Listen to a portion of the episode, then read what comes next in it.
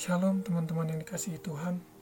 Puji Tuhan, kita masih diberikan kesempatan sampai hari ini untuk terus melayani Tuhan. Sebelum kita mendengarkan renungan hari ini, mari kita siapkan hati dan pikiran kita. Mari kita berdoa. Bapak yang baik, terima kasih buat kasih karuniamu dalam kehidupan kami. Terima kasih buat pemeliharaanmu dalam kehidupan kami Tuhan. Sebentar kami akan mendengarkan renungan yang daripadamu Bapa.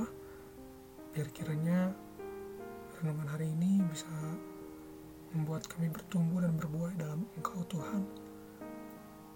Dan kami menjadi terang dan garam bagi orang orang-orang sekitar kami.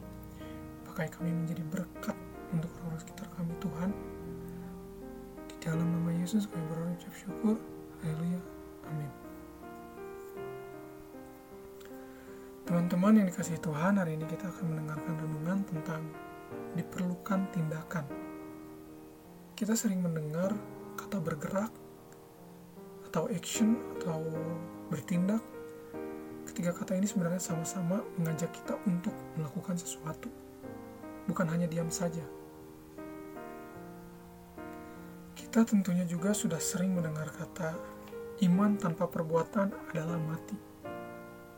Maka dari itu, kita tidak cukup hanya beriman saja, tetapi kita harus bergerak, harus bertindak, supaya apa yang kita imani tidak mati. Dalam Alkitab yang membahas tentang sebuah tindakan yang benar, tertulis dalam Matius 21, ayatnya yang ke-28 sampai ke-31. Yang bunyinya, tetapi apakah pendapatmu tentang ini? Seorang seorang mempunyai dua anak laki-laki, ia pergi kepada anak yang sulung dan berkata, Anakku, pergi dan bekerjalah hari ini dalam kebun anggur. Jawab anak itu, Baik, Bapak, tapi ia tidak pergi. Lalu orang itu pergi kepada anak yang kedua dan berkata demikian juga. Dan anak itu menjawab, Aku tidak mau. Tetapi kemudian ia menyesal lalu pergi juga. Siapakah di antara kedua orang itu yang melakukan kehendak ayahnya? Jawab mereka yang terakhir. Kata Yesus kepada mereka, Aku berkata kepadamu, sesungguhnya pemungut-pemungut cukai dan perempuan-perempuan sundal akan mendahului kamu masuk ke dalam kerajaan Allah.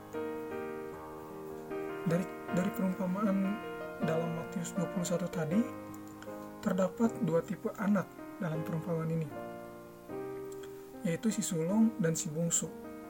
Yang pertama adalah si sulung, yang ketika disuruh bekerja oleh ayahnya, dia menjawab iya, tetapi apa tindakannya? Tidak ada tindakan di dalamnya.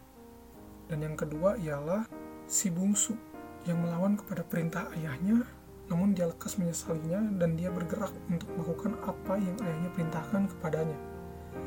Dari perumpamaan tersebut, mari kita renungkan. Mencerminkan siapakah kita dalam perumpamaan tersebut? Apakah kita mencerminkan si sulung ataukah si bungsu dalam hidup ini? Sebagai seorang anak Tuhan yang mengasihi Tuhan, sudah sepatutnya kita memiliki tindakan atau perbuatan untuk melakukan apa yang sesuai dengan yang Tuhan kehendaki. Masih ingat hukum yang Tuhan katakan dalam Matius 22 ayat 39 sampai ayat 37 sampai 39 yang bunyinya jawab Yesus kepadanya kasihilah Tuhan Allahmu dengan segenap hatimu dan dengan segenap jiwamu dan dengan segenap akal budimu itulah hukum yang pertama dan yang terutama dan yang pertama dan hukum yang kedua yang sama dengan itu ialah kasihilah sesamamu manusia seperti dirimu sendiri nah teman-teman apakah kita sudah benar-benar melakukan kedua hukum tersebut Ataukah kita hanya sebatas tahu hukum ini dan mengiyakannya dalam hati kita, tetapi tidak bertindak untuk melakukannya? Sama seperti si sulung yang mengetahui perintah ayahnya, ia mengiyakan namun tidak bertindak. Memang banyak perintah yang Tuhan katakan kepada kita untuk dilakukan. Tetapi yang paling Tuhan tekankan dalam pengajarannya adalah supaya kita memiliki kasih di dalam hati kita. Jadi teman-teman, marilah kita mulai hari ini bukan hanya sebatas mengetahui perintah Tuhan saja, tetapi marilah kita bertindak juga untuk melakukan segala perintahnya yang tertulis di dalam Alkitab. Satu pesan yang tertulis dalam Yosua 1 ayat 8 itu Janganlah engkau lupa memperkatakan kitab Taurat ini, tetapi renungkanlah itu siang dan malam, supaya engkau bertindak hati-hati sesuai dengan segala yang tertulis di dalamnya. Sebab dengan demikian, perjalananmu akan berhasil dan engkau akan beruntung. Jangan biarkan Alkitabmu tertutup ya teman-teman, tetapi bacalah itu setiap hari supaya kita bisa mengenali isi hati Tuhan kita dan supaya kita bisa memahami perintah-perintahnya mana yang harus kita lakukan dan yang tidak boleh kita lakukan. Sekian renungan hari ini, mari kita tutup dengan doa. Apa yang baik, terima kasih Tuhan buat renungan hari ini. Eh, terima kasih karena renungan ini telah memberkati hati setiap kami yang telah mendengarkannya Tuhan.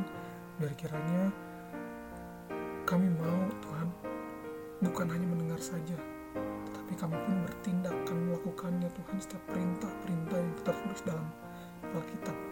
Bantu kami juga Tuhan untuk belajar terus merenungkan firman-Mu Tuhan, agar kami menjadi anak-anak-Mu yang taat dan setia kepadamu Bapa. Terima kasih, berkati juga aktivitas kami hari ini Tuhan, biar kiranya Engkau selalu turut serta dalam uh, aktivitas kami hari ini, apa pun ketika kami mengambil keputusan, biar kiranya Engkau pun turut andil Tuhan dalam menentukan mana yang baik dan yang benar.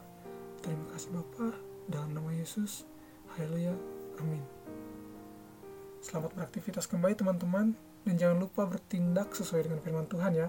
Tuhan Yesus memberkati.